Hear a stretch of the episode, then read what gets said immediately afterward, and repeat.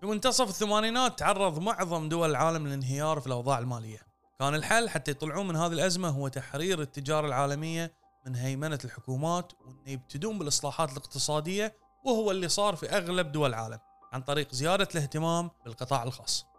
السبب إن القطاع الخاص يلعب دور كبير في التنمية الاقتصادية. من هني ابتدى الاهتمام أكثر بعالم الأعمال والمشاريع الناشئة لكونها تساهم بشكل كبير في الانعاش الاقتصادي والاجتماعي من خلال قدرتها على توفير فرص عمل أكبر.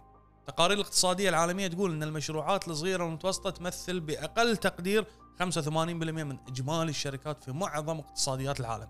قادرة أنها توفر 65 ل 75% من القوى العاملة في العالم وفي الأغلب تساهم بحوالي 45% من الناتج المحلي العالمي. لنفهمه إن السبب الرئيسي اللي يخلي الحكومات تهتم بالشركات الناشئة والصغيرة والمتوسطة مو لأنها تحاول مساعدتهم بل لأنها تحاول إصلاح اقتصادها وتعزيزه من خلال دعم هالنوع من الشركات.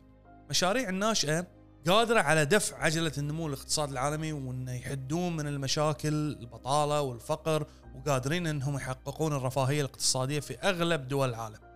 اللي يميز رواد الأعمال إنهم قادرين بشركاتهم الصغيرة على توزيع الدخل بصورة أكثر عدالة مقارنة بمشاريع العملاقة. قادرين إنهم يساهمون بتكريس أنظمة اقتصادية ديناميكية وأكثر مرونة وترابط بين شركاتها الصغيرة والمتوسطة.